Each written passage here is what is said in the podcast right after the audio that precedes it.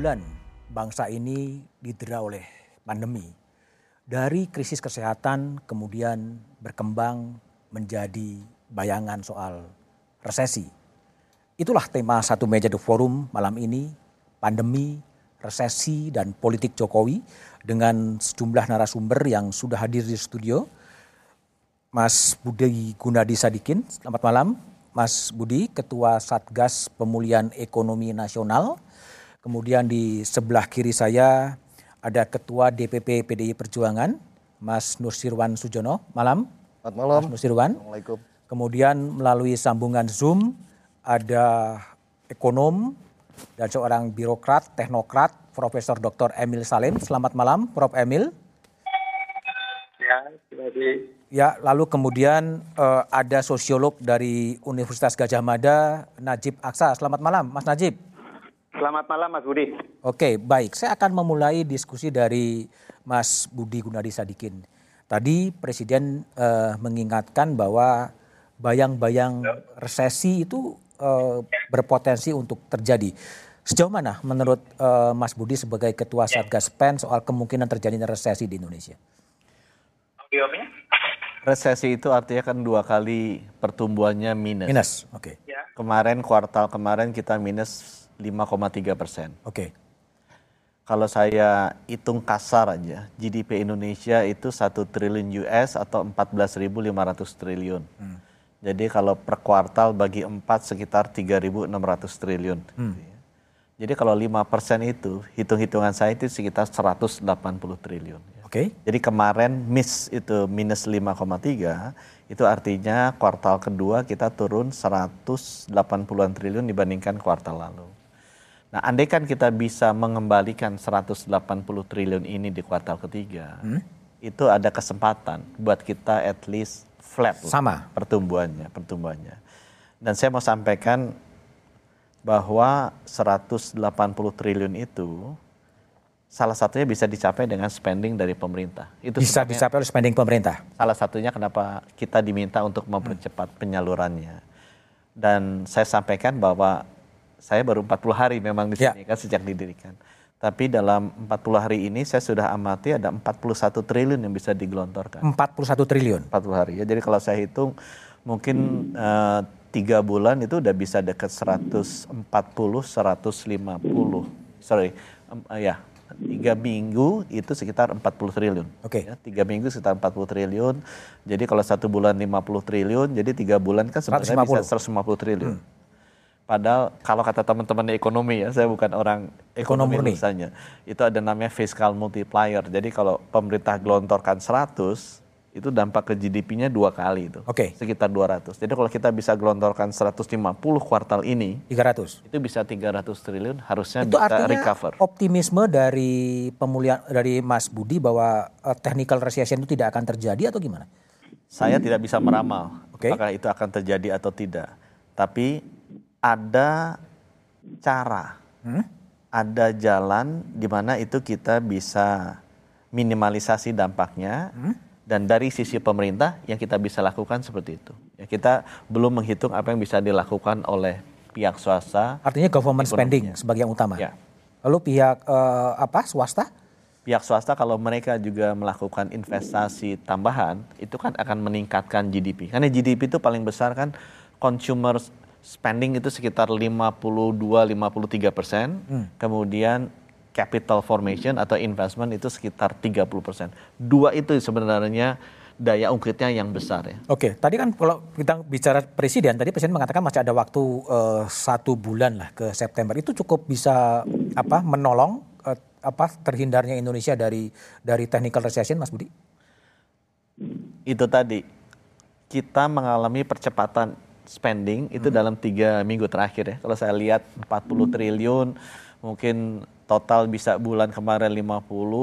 Kalau insya Allah bulan September kita bisa spend another 50 sampai 80 triliun, itu kan jadi totalnya udah 120 130 ya. Kalau eh, fiscal multiplier 2 sekitar 240 triliun itu masih dapat. Ya, tapi balik lagi kita nggak bisa menebak-nebak dengan pasti. Oke. Ya, kita berusaha agar sebisa mungkin sampai September uh, government spendingnya kita dorong. Oke, tapi kalau Tapi ada kans, tapi ada kans, ada apa? ada kans, ada opportunity. Ada opportunity Ada untuk minimal opportunity. flat. Ya. Minimal flat. Oke, saya coba eh, ke, ke eh, Profesor Emil Salem. Eh, Prof Emil, kalau Prof Emil melakukan assessment terhadap kondisi ekonomi Indonesia di era pandemi seperti apa, Prof Emil? Pengaruh dari COVID adalah bahwa dia menghentikan semua aktivitas yang bergantung pada berkumpulnya orang, kerumunan orang, sehingga pabrik atau kerumunan orang di kantor atau macam-macam itu terganggu. Jadi COVID mengakibatkan ekonomi itu berhenti Oke. di seluruh dunia. Mhm. Oleh karena harus ada jarak, tidak boleh kerumunan, tidak boleh macam-macam, sehingga normal, ekonomi normal yang lazim berjalan terganggu. Hmm. Kita sekarang buka untuk kantor. Kantor menjadi pusat dari meledaknya COVID. Ringkasnya, penyakit COVID ini kuncinya adalah penularan virus. Hmm. Maka kunci pula penyelesaiannya adalah membendung penularan virus. Oke. Maka kita perlu tahu melalui testing orang tanpa gejala diisolir. Oke. Prioritas pertama adalah tahu di mana musuh kita COVID itu. Oke. Testing harus berjalan. Hmm. Dan itu kurang banyak dijalankan di Indonesia ini. Dengan akibat bahwa tingkat meninggalnya korban manusia 4,2 persen melebihi dunia. Jadi jalan pertama adalah untuk ekonomi bukan menyerang ekonominya tapi menyerang profitnya. Satu. Dua adalah segala aktivitas yang berkaitan dengan COVID, ventilator, masuk alat-alat dan sebagainya, itu diutamakan proses produksinya. Seperti vaksin itu, diutamakan produksinya Bio Farma. Itu menimbulkan gerak. Jadi semua aktivitas yang berkaitan dengan COVID, ventilator, uh, macam-macam, kita uh, pangan, bergizi, hal yang menaikkan imunitas, itu ditumbuhkan. Oke. Maka prioritas ekonomi adalah pangan. Oke.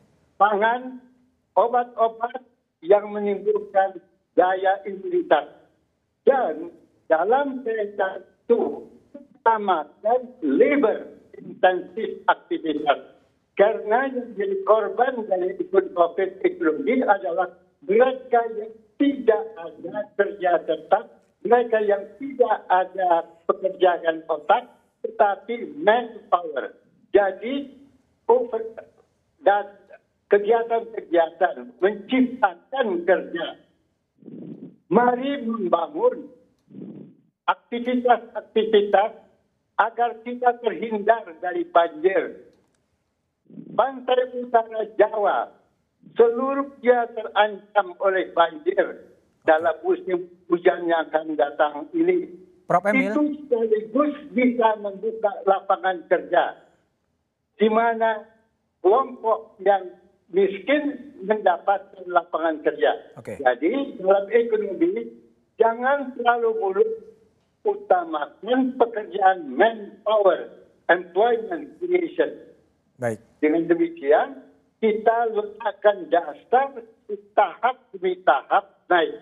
Aktivitas seperti buka bioskop salah. Kalau mau nonton bioskop ada di eh, bioskop terbuka, itu tidak prioritas. Itu menyulitkan eh, sektor kesehatan. Para Baik. dokter kita overburden. Ringkasnya antara ekonomi dan kesehatan kesehatan full kepada COVID, ekonomi bantu alat-alat COVID dan employment based development. Yang umur, yang muluk-muluk jangan dulu karena dunia pun mengalami berhenti gerakan ekonominya. Oke, baik, baik Prof. Amil. Kita juga akan uh, diskusikan kira-kira bagaimana dampak pandemi dan resesi uh, dalam bidang sosial, tapi jawabannya setelah jeda berikut ini.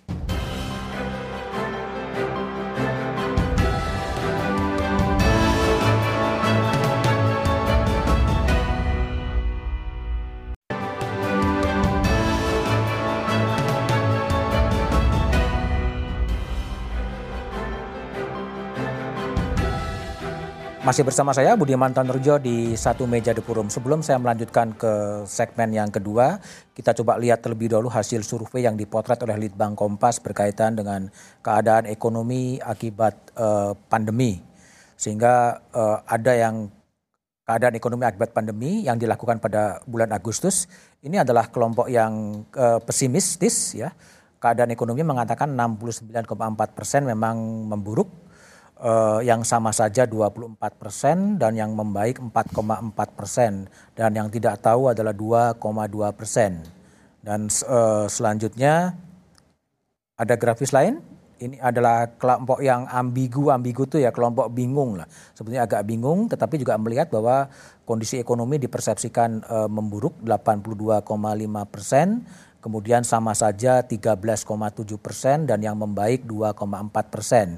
Ini membaik dibandingkan bulan Juni dan ke bulan Agustus ya.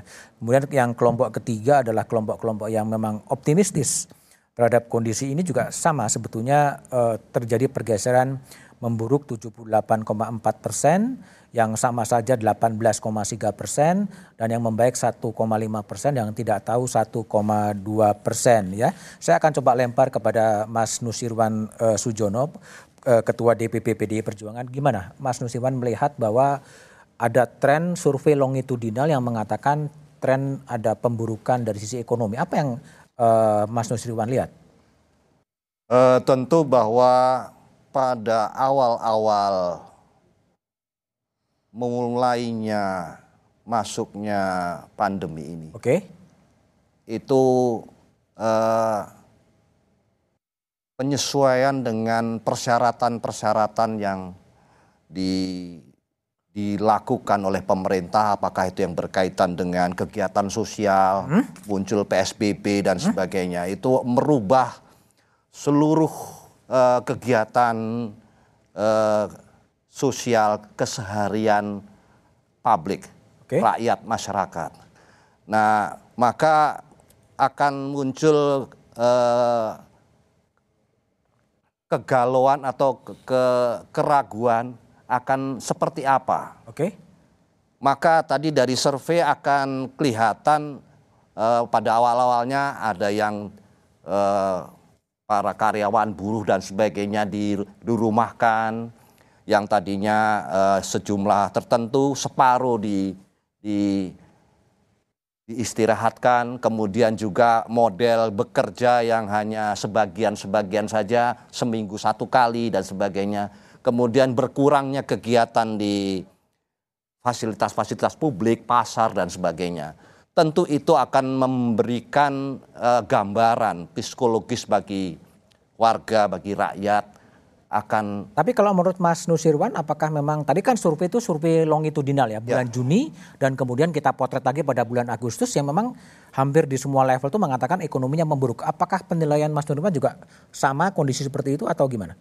Tidak, bahwa Tidak. ini kami lihat bahwa uh, semakin lama tentu penyesuaian itu akan uh, bisa dilakukan Oke. Okay. Maksudnya penyesuaian di sini bukan berarti melakukan pelanggaran terhadap protokol kesehatan. Penyesuaian itu gimana? Kalau rakyat mengatakan ekonominya memburuk. Ya, penyesuaian maksudnya begini. Seperti kami-kami yang tadinya bekerja tidak pernah uh, melakukan virtual begitu. Oke. Okay. Uh, tapi suruh kerja di rumah ini mulai terbiasa. Artinya maksudnya bahwa ternyata kegiatan itu sebetulnya bisa juga dilakukan penyesuaian-penyesuaian seperti ini termasuk juga uh, kegiatan ekonomi yang mungkin tadinya harus setiap hari ke pasar dan sebagainya itu tidak perlu dilakukan atau katakanlah ke mall dan sebagainya uh, sekarang sesuai dengan kebutuhan sajalah. Ya, okay. maka uh, kami melihat bahwa kalau saya melihat bahwa itu tentunya semakin lama penyadaran itu bukan pada kecenderungan negatif. Kami Makin positif gitu ya? ada keyakinan bahwa la- sesuai dengan langkah-langkah yang dilakukan oleh pemerintah Hmm. eh, seperti eh, program-program itu untuk Jadi bawah artinya kalau menurut dan penelitian sebagainya Mas Nusirwan, pemerintah udah lah pada on the track. sudah Sudah on the track. Jadi Oke. seperti uh, UMKM, Udah jalan, ya? kemudian juga untuk uh, moneter dipercepat. Oke. Ini tentu menggerakkan kegiatan keseharian. Jadi tentu harapan pada kuartal ketiga, meskipun mungkin tidak sesuai dengan uh, sampai kepada angka zero, tidak mes- meskipun masih negatif Pak Budi, tapi itu apabila itu Membaik lah ya. trennya itu membaik, Oke. itu lebih bagus. Oke, baik, baik. Saya ke Najib Aksa, sosiolog dari Universitas Gajah Mada. Mas Najib, bagaimana Anda bacaan terhadap eh, langkah-langkah pemerintah untuk mengatasi eh, apa dan menghindarkan Indonesia dari resesi ini? Apakah sudah tepat atau ada sesuatu yang perlu dikoreksi sebetulnya? Eh, dari sisi upaya untuk pemulihan ekonominya saya kira sudah cukup tepat Mas Budiman. Oke. Problemnya saya kira adalah kelambatan ya, kelambatan respon pada fase awal krisis. Oh. Kita semua tahu kan bahwa ini krisis yang diawali dari krisis Hmm. medis. Medis. Krisis kesehatan publik kira-kira gitu ya. Oke. Yang kemudian karena masifnya, skalanya yang masif kemudian memiliki implikasi sosial dan ekonomi, kira-kira kan begitu. Ya. Nah, kelambatan dalam penanganan krisis kesehatan publik inilah yang kemudian membuat rumit, membuat pelik implikasi ekonomi dan sosialnya, Ya. kira-kira begitu. Nah, yang sekarang kita lakukan kan memang upaya untuk kemudian me- apa namanya memulihkan percepatan ekonomi. Saya kira yang dikomandani oleh eh, Pak Budi Gunadi. Eh, Budi Gunadi, misalnya kan begitu ya. Di sisi yang lain juga kita perlu menggerakkan di dimensi sosial kita, ya. Hmm. Yang saya kira ini menurut saya salah satu aspek yang terabaikan. Apa itu dimensi sosial? Jib. Misalnya begini Pak, jadi sebenarnya kita itu kan punya kekuatan yang luar biasa Indonesia ini ya. Menurut berbagai survei bahwa Indonesia ini misalnya memiliki potensi modal sosial yang sangat Modal dahsyat. gotong royong Ini ya. yang membuat gotong royong ya itu Hmm. eh, riset internasional ya bahwa modal sosial kita itu termasuk salah satu yang tertinggi. Lalu indeks partisipasi sosial dan eh, kewargaan kita itu juga tinggi. Nah, ini yang saya kira belum terlalu banyak dikelola oleh eh, berbagai pihak termasuk negara saya kira untuk menjadi kekuatan dahsyat untuk justru pemulihan eh, ekonomi dan sosialnya. Mas Najib, Kita- jadi gini, bentar, Najib, kalau memang betul nanti ini kan publik ini kan agak apa ya? Kalau disebut resesi mereka juga nggak terlalu paham soal resesi itu bentuknya seperti apa mungkin bagi orang-orang yang di bawah. Tapi kira-kira eh, apa dampak resesi yang akan secara signifikan dirasakan oleh masyarakat sebetulnya?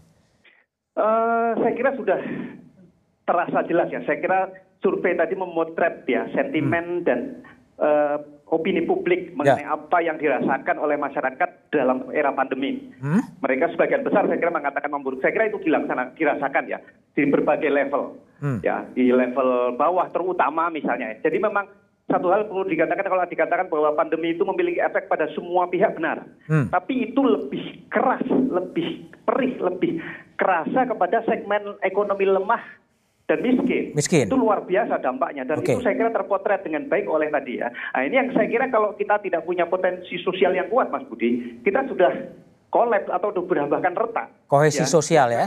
Oke, iya, posisi baik. sosial kita saya sudah Baik. beruntung kita itu dalam posisi yang sekarang. Oke, baik. Kem- Kembali ke saya ke Mas Budi Gunadi Sadikin. Tadi Najib mengatakan salah satu faktor yang sebetulnya harus disentuh, tapi mungkin belum disentuh adalah sebenarnya solidaritas sosial.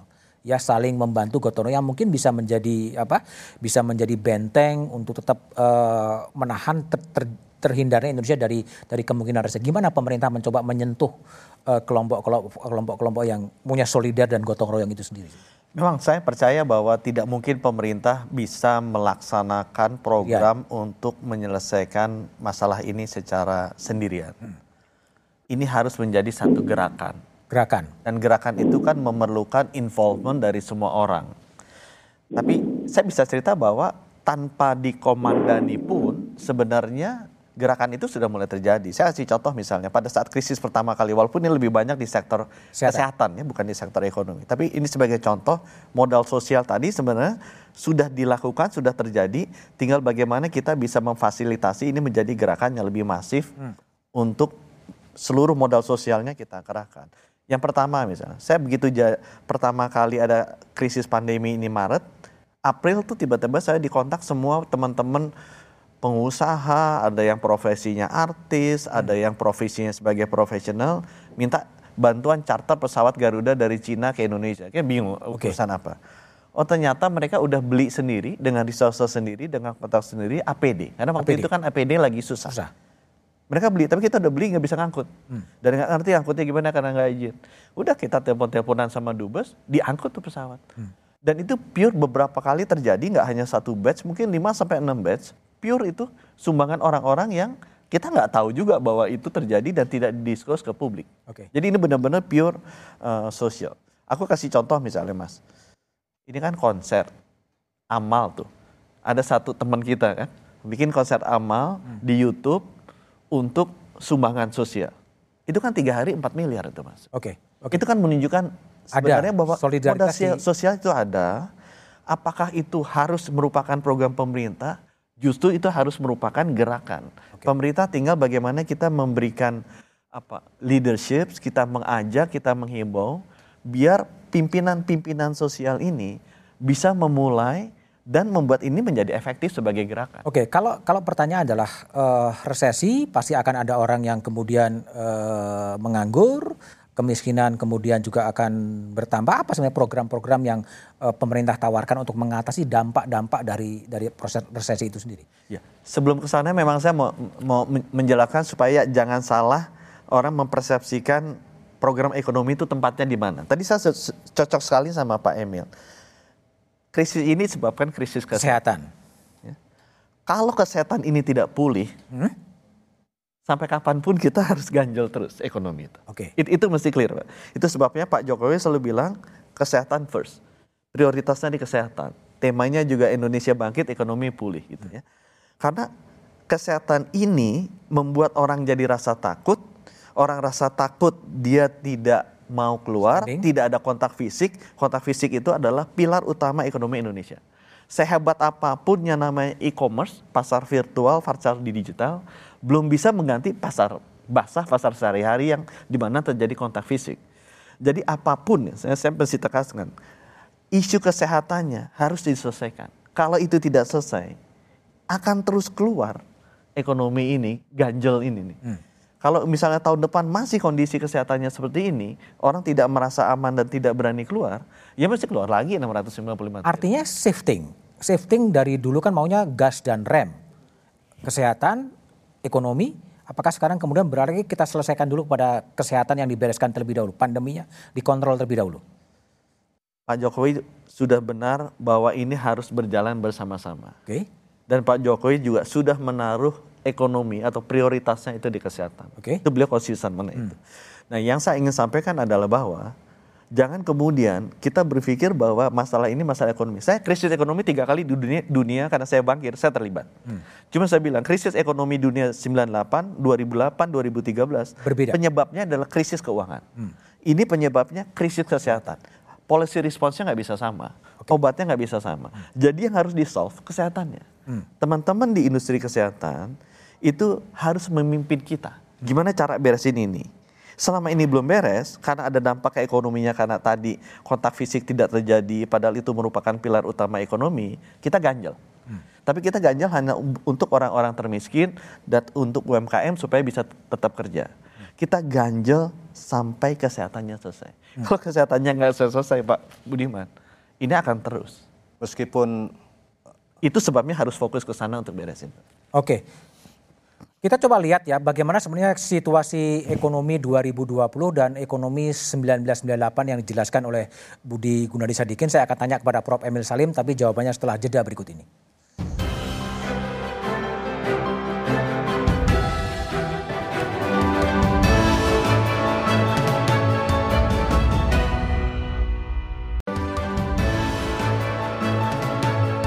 Saya kembali ke Profesor Emil Salim.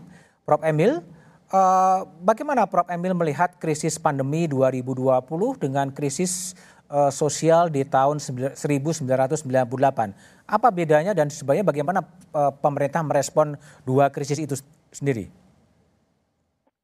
lain sekali karena COVID-19 eh, krisis sosial sekarang berkaitan dengan kesehatan yang pang, ujung pangkalnya adalah global. Hmm. Di luar negeri. Jadi krisis sosial kita asal usulnya di luar negeri. 98 di, lain lagi.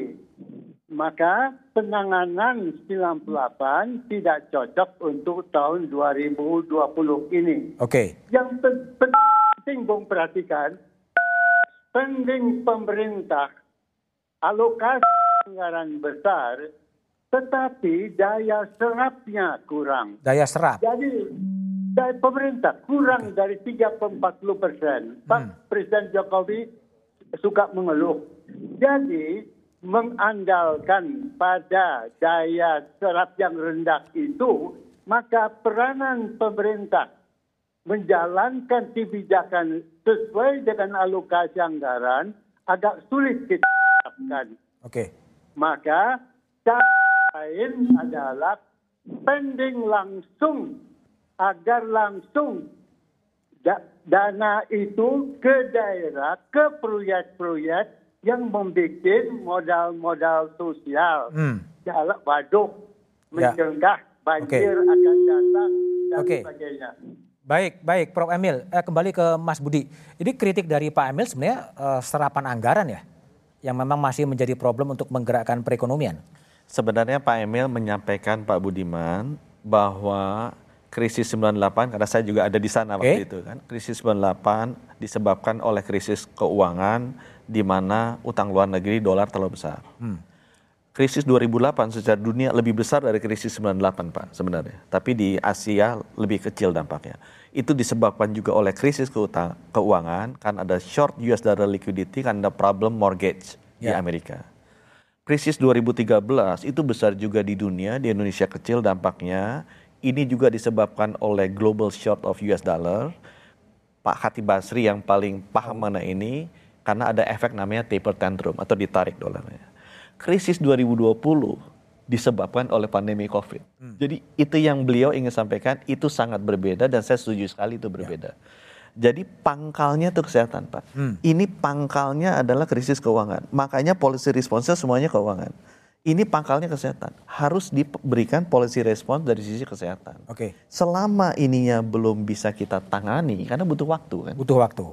Kita ganjel. Ada program ekonomi. Berapa lama eh, kesehatannya bisa diselesaikan? Itu yang susah kita yang susah. tebak ya. Tapi salah satunya kan harapannya dengan vaksin. Vaksin. Di dunia, di WHO mereka ngomongnya nggak hanya vaksin. Okay. Mereka ngomongnya vaksin dan terapeutik atau treatment atau terapi. Sama seperti 100 tahun yang lalu orang kena demam berdarah pasti mati. Hmm. Sekarang orang, orang kena demam berdarah tanpa vaksin, belum ada vaksinnya. Hmm. Tapi karena perawatannya bagus sembuh. Ya, Bill Gates sudah ngomong, yang akan bunuh si COVID mungkin bukan vaksin. Hmm. Karena vaksin kan tujuh tahun itu, hmm. rata-ratanya. Paling cepat empat tahun gitu okay. kan. Kalau ada kita dapat syukur Alhamdulillah. Tapi kalau nggak ada, yang saya perhatikan sekarang kematian di rumah sakit BUMN menurun drastis. Okay. Karena dokter-dokter udah tahu cara ngerawatnya gimana, hmm. kasih obatnya seperti apa, okay. pakai plasma convalescent, pakai monoclonal antibodies itu berkembang terus pak. Dan itu nanti bisa membuat sakit ini mirip dengan demam berdarah, demam misalnya yang dulu okay. dulu mati semua, okay. sekarang selamatnya tinggi. Okay. Nah ini juga yang menurut saya kalau ini bisa diselesaikan dan kita membutuhkan teman-teman di kesehatan untuk yang terdepan, Pak. Oke. Okay. Saya harusnya ada di belakang Pak Doni. Okay. Pak Doni yang harusnya di depan untuk menyelesaikan. Nanti saya otomatis pekerjaan saya akan lebih ringan. Oke, okay, baik. Saya kembali ke Najib Aksan. Najib, ya. jadi kalau menurut uh, pandangan Anda sebagai sosiolog, apakah memang krisis ya. kesehatan, krisis uh, ekonomi itu akan bisa berkembang kepada krisis politik? Sangat mungkin sekali Mas Budi. Jadi ketika krisis kesehatan yang berskala masif itu kemudian memiliki dampak ekonomi yang juga masif yang sangat signifikan, itu kemudian kita rasakan semua saya kira memiliki dampak sosial yang besar. Pengangguran yang meningkat, misalnya kemiskinan semakin banyak, banyak orang kesulitan untuk memenuhi kebutuhan sehari-hari misalnya. Ini sangat potensial untuk menjadi krisis politik okay. jika tidak tertangani dengan baik. Hmm. Nah, saya kira memang di sini uh, kuncinya, Mas. Jadi saya kira pendekatan sosial sesungguhnya sangat kunci karena pendekatan sosial itu bisa kalau dilakukan efektif bisa sekaligus menyelesaikan dua aspek. Satu, membantu percepatan penyelesaian krisis kesehatan itu sendiri. Yang kedua juga bisa mempercepat eh, apa namanya kebangkitan ekonomi karena itu dua-dua sisi itu sebenarnya sangat eh, potensial untuk digerakkan oleh potensi sosial kita yang sangat besar. Apa Problem apa yang kita- dimaksud dengan pendekatan sosial Najib? eh, kenapa sorry? Yang dimaksud dengan pendekatan sosial tadi apa? Ah, gini, karena yang saya lihat sekarang ini belum ada orkestrasi, Mas Budiman. Belum ada Orkestra- orkestrasi. Orkestrasi, sehingga pendek- seperti tadi dikatakan oleh Pak Budi Sadikin ya, eh, pendekatan medis jalan sendiri, tapi penggunaan harusnya menyelesaikan problem medis pun perlu pendekatan sosial, jangan diremehkan ya. Hmm. Jadi misalnya bagaimana cara memperkuat eh, kesadaran publik di level lokal, level Hmm. Public awareness. desa misalnya ya itu sangat efektif sekali. Oke. Eh, contoh dari Jogja misalnya yang kemarin dikongreskan Kongres Budaya Desa itu misalnya itu menunjukkan bagaimana keberhasilan sebuah desa untuk menangani eh, krisis kesehatan itu dengan pendekatan komunal itu Oh. sangat efektif sekali mas. Aku bisa Jadi kalau itu bisa dilakukan itu pertama itu mempercepat efektivitas penanganan krisis kesehatan. Yang kedua juga bisa ikut mengungkit kebangkitan ekonomi. Itu yang saya kira sekarang ini problem saya adalah menurut saya eh, belum ada orkestrasi berbagai eh, pendekatan itu Mas Budiman. Tadi Najib, kembali lagi. Tadi Anda membuka kemungkinan dari krisis kesehatan, krisis ekonomi, Ya. krisis sosial, dan krisis politik. Seperti apa yang bakal Betul. terjadi? Eh, begini, jadi eh, ketika krisis sosial itu semakin luas, jadi ya eh, pengangguran yang semakin besar misalnya ya, kebutuhan publik semakin tidak terpenuhi, orang eh, sulit semakin banyak. Jadi itu akan meningkatkan misalnya kriminalitas. Ya, Oke. Eh, kriminalitas di level eh, desa, di level masyarakat akan semakin menguat. Kecemasan sosial akan semakin tinggi. Itu krisis Ini sosial, krisis politiknya seperti apa, Jib? krisis sosial itu kan uh, menimbulkan trust terhadap uh, Pemerintah. negara, terhadap pemerintah akan menurun Oke. drastis, Mas Budiman. Oke, baik.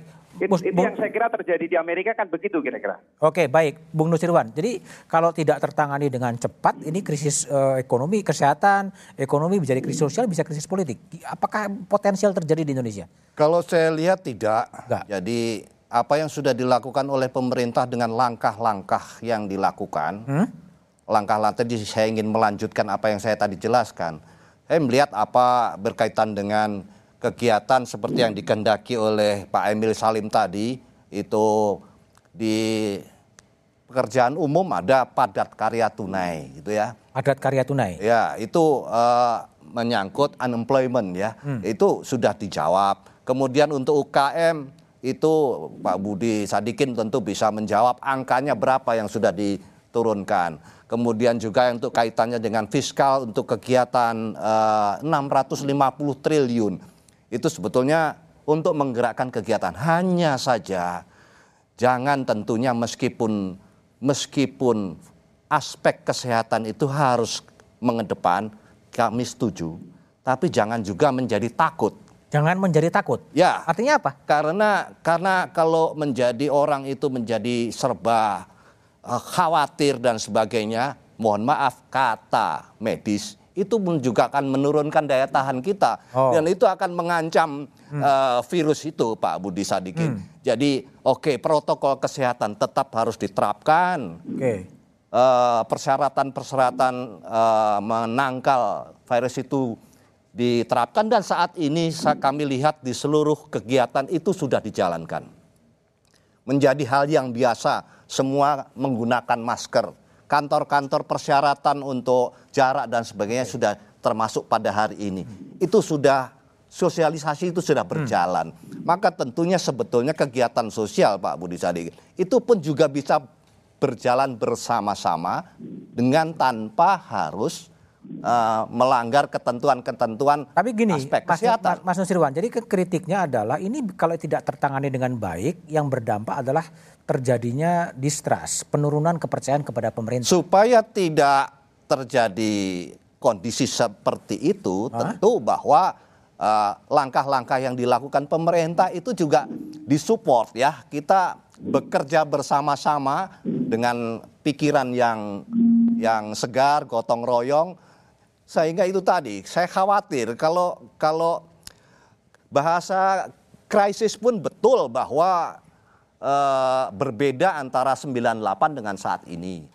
Tapi jangan lupa bahwa Indonesia pun Pak Budi Sadikin itu pun kondisinya berbeda meskipun semua negara pada waktu itu krisis ekonomi mengalami hal yang sama. Oke. kondisi di Indonesia pun berbeda, termasuk kaitannya dengan pada saat ini kita mengalami pandemi. Seluruh negara mengalami pandemi dan mengalami krisis. Tapi ingat, angka yang berkaitan dengan uh, growth kita dibandingkan negara-negara yang lain pun berbeda. Oh. Maksud saya bahwa Indonesia Masih tidak lebih baik. bisa disamakan dengan negara-negara yang lain. Lebih baik atau lebih buruk? Ada karakteristik tertentu, daya lentur tertentu, termasuk menghadapi aspek kesehatan. Oke. Jadi penanganannya tentu eh, mohon maaf ya jangan terlalu disamakan dengan kita menghadapi rakyat di negara yang lain. Oke. Kayak kayaknya uh, protokol itu tetap kita jalankan. Oke. Tapi kita juga jangan lupa bahwa kita ini di Indonesia. Oke. Dan kri- krisis 98, mohon maaf, meskipun tadi saya setuju dengan apa yang dikatakan oleh Prof. Emil, itu adalah ekonomi. Sekarang beda. Tapi sama-sama di Indonesia sama-sama menghadapinya dalam kondisi yang eh, sama-sama lihat, sama-sama lentur dan cukup tahan. Oke, Bante. baik, baik. Ini, ini harus Saya kembali ke, antara ya, ke antara kondisi Prof. tersebut. Emil Salim, ya, apakah memang tadi analisis Najib Aksa bahwa krisis sosial ini bisa berkembang menjadi krisis politik? Apakah memang Prof. Emil juga punya pandangan serupa? Tapi jawaban Prof. Emil setelah jeda berikut ini. Baik.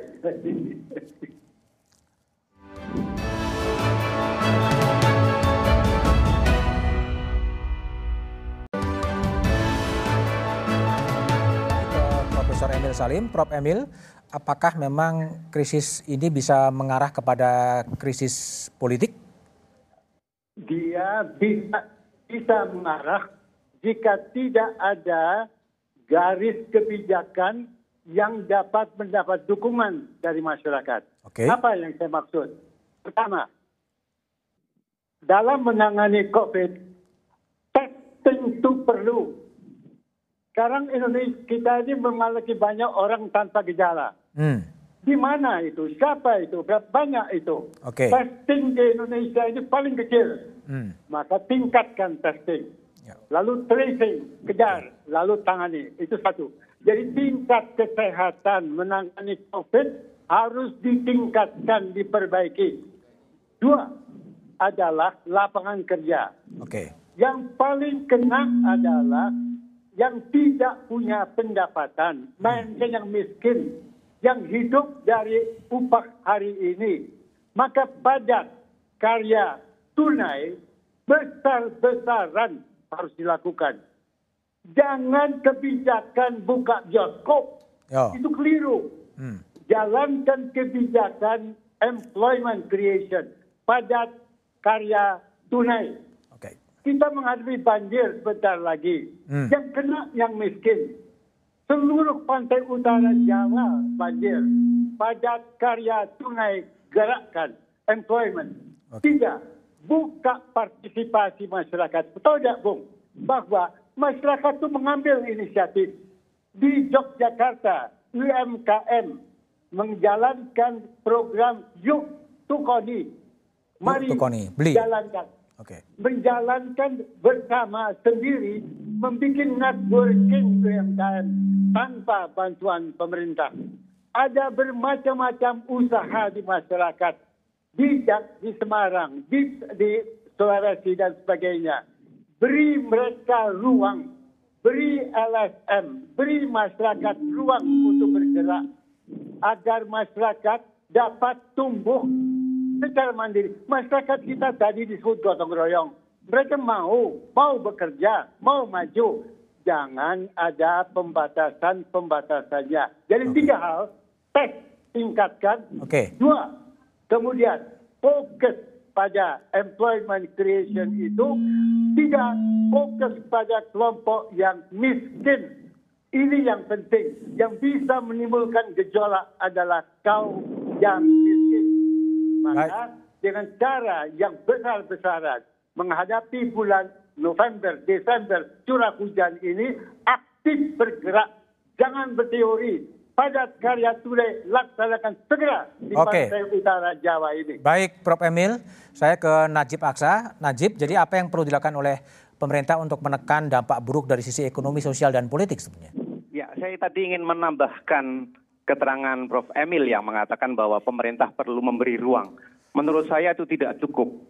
pemerintah memberi ruang dan memberi support yang signifikan kepada inisiatif-inisiatif publik itu. Yang sekarang terjadi adalah bahwa banyak inisiatif-inisiatif lokal yang sangat kaya di berbagai tempat penjuru Nusantara ini. Nah, problemnya kadang-kadang inisiatif warga ini kadang-kadang tidak nyambung dengan inisiatif pemerintah. Hmm. Jadi saya kira harus perlu upaya yang lebih besar, okay. apa yang saya katakan sebagai orkestrasi besar tadi ya. Okay. Orkestrasi besar sebagai bangsa di mana inisiatif masyarakat harus terus disupport ini. Karena ini multiplier efeknya akan sangat tinggi. Di Jogja banyak kasus uh, misalnya solidaritas pangan, warga ngumpulin makanan sendiri untuk warga setempat, eh, upaya-upaya pemulihan uh, ekonomi lokal, kami misalnya di kampus UGM melakukan upaya misalnya pengembangan uh, sociopreneurship anak-anak muda misalnya gitu ya. Hmm. Itu sangat penting. Ya. Kita ingin upaya-upaya seperti ini tidak hanya diberi ruang tapi betul-betul disupport dan sehingga memiliki saya kira efek yang semakin masif Mas Budi. Oke, baik. Saya ke Mas Nusirwan. Ini ada masukan sebetulnya soal orkestrator. Siapa yang sebenarnya mengorkestrasi kan tampak analisis adalah jalan sendiri-sendiri sebetulnya. Uh, seharusnya juga tidak perlu merasa tidak ada orkestrator ya. Oh nggak perlu artinya orkestrator. Artinya ini apa yang sudah sudah ada ini masing-masing sudah ada bagian-bagian dan ruangan-ruangan yang bertugas apa yang harus dikerjakan. Hmm. Dan apa yang sudah dilontarkan, apa yang sudah dikeluarkan kebijakan oleh Pak Jokowi tentunya sudah cukup jelas apa yang harus dikerjakan. Oke. Okay baik dari sisi pembiayaan pun untuk mengatasi masa pandemi ini pun juga sudah dikeluarkan. Regulasinya awal-awal dahulu sudah dikeluarkan dengan Perpu 01 hmm. itu untuk mengatasi mengantisipasi kebijakan-kebijakan keuangan sudah di awal. Kemudian juga untuk memperbesar fiskal yang tadi saya katakan sudah dilakukan. Maka sebetulnya yang kurang apa? Saya tidak melihat kekurangan dari kebijakan. Oke. Okay. Hanya kami melihat bahwa eh, tampaknya tidak cukup cepat di dalam tidak cukup cepat tidak cukup cepat di dalam me, mengimplementasi eh, program-program. Uh, hmm. uh, saya tadi awal sudah memberikan contoh soal padat karya tunai yang dilakukan okay, di Kementerian Pekerjaan Umum. Itu sebetulnya tidak sulit untuk sektor yang lain melakukan Jalankan. hal yang okay. sama. Baik. Uh, tentu tidak semua hal kalau perlu ada pemimpin orkestra harus memimpin semua sektor harus begini harus begini. Oke, Jadi, tentunya harusnya masing-masing sudah bisa memahami apa yang akan perlu dilakukan. Oke, baik. Eh, Mas Budi, jadi kritik dari Najib adalah sebenarnya orkestrator. Apakah memang betul uh, ada apa kekosongan orkestrator sehingga tadi uh, tidak ada masyarakat sipil harus ngapain, pramuka harus ngapain, karang taruna harus ngapain, itu kan sesuatu kekuatan-kekuatan sipil yang sebenarnya bisa digerakkan untuk menciptakan public awareness soal masker dan lain sebagainya? Pak Budiman, pemerintah menyadari bahwa pandemi ini nggak mungkin selesai hanya dengan program pemerintah Indonesia. Oke. Okay.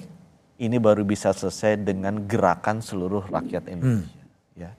Dan gerakan itu nggak selalu harus kita ingin selalu di depan. Oke. Okay banyak pimpinan-pimpinan, tapi saya setuju sekali sama Pak Najib, banyak pimpinan-pimpinan daerah, lokal, komunitas kecil, yang sebenarnya tugas kita lebih memfasilitasi, lah, mendukung mereka. Dan banyak sudah bermunculan, jadi saya nggak ragu untuk itu. Saya, cuma satu yang saya ingin tekankan Pak, modal sosial kita tuh besar, dan itu butuh sekali memang kita gerakan bersama-sama ke sana. Saya hanya warning satu Pak, pandemi COVID-19 ini virusnya namanya SARS-CoV-2 Pak. Hmm. Nomor dua. Pak. Nomor dua SARS-CoV-1 itu terjadi di Cina tahun 2003. Pada saat itu terjadi, semua orang diam karena itu hanya terjadi di Cina. Nggak ada orang yang terlalu bisa merespon kecuali Cina. Bill Gates mungkin sedikit bicara di tahun 2010 di mana itu jadi viral bilang bahwa loh kenapa sih eh, manusia tuh spending billions of US dollar membangun infrastruktur senjata seakan-akan musuhnya tuh manusia mau perang. Padahal musuhnya tuh virus hmm. gitu kan. Kejadian SARS-CoV-2 hmm. di 2020, 17 tahun kemudian dan mungkin ter Pak, ini nggak ada jaminan nggak akan keluar SARS-CoV-3 dan SARS-CoV-4. Hmm. Jadi mumpung pada saat pandemi ini terjadi, tugas saya kan selain pemulihan ekonomi juga transformasi ekonomi. Aku dititipin tuh sama senior-senior. tolong pikirkan gunakan kesempatan ini bukan hanya sifatnya short term dan quick Long tapi long term dan fundamental supaya kita sekaligus mempersiapkan diri kalau nanti ada lagi pak Hmm. ini SARS-CoV-1 SARS-CoV-2 mutasi pak bukan berarti nggak bisa jadi SARS-CoV-3 SARS-CoV-4 nah termasuk di dalamnya merajut modal sosial dan saya setuju sekali sama Pak Najib itu sesuatu kekuatan bangsa kita Jadi tidak harus semuanya pada pemerintah ya. nggak harus pak dan nggak mungkin pemerintah mungkin. juga sanggup sendiri Oke, baik. Terima kasih Mas Budi, Mas Nusirwan, Pak Emil, dan Najib. Enam bulan pandemi kian melemahkan kemandirian ekonomi rakyat. Rakyat pun kian tergantung pada peran negara. Pemerintah dituntut bergerak cepat menggelontorkan bantuan dan mem- memberikan stimulus ekonomi serta memberikan rasa aman. Dengan modal sosial politik yang ada, pemerintah diharapkan bisa menggerakkan solidaritas sosial dengan tetap mengutamakan pada penanganan kesehatan. Demikian satu meja The Forum malam ini. Sampai jumpa pekan depan. Selamat malam dan terima kasih.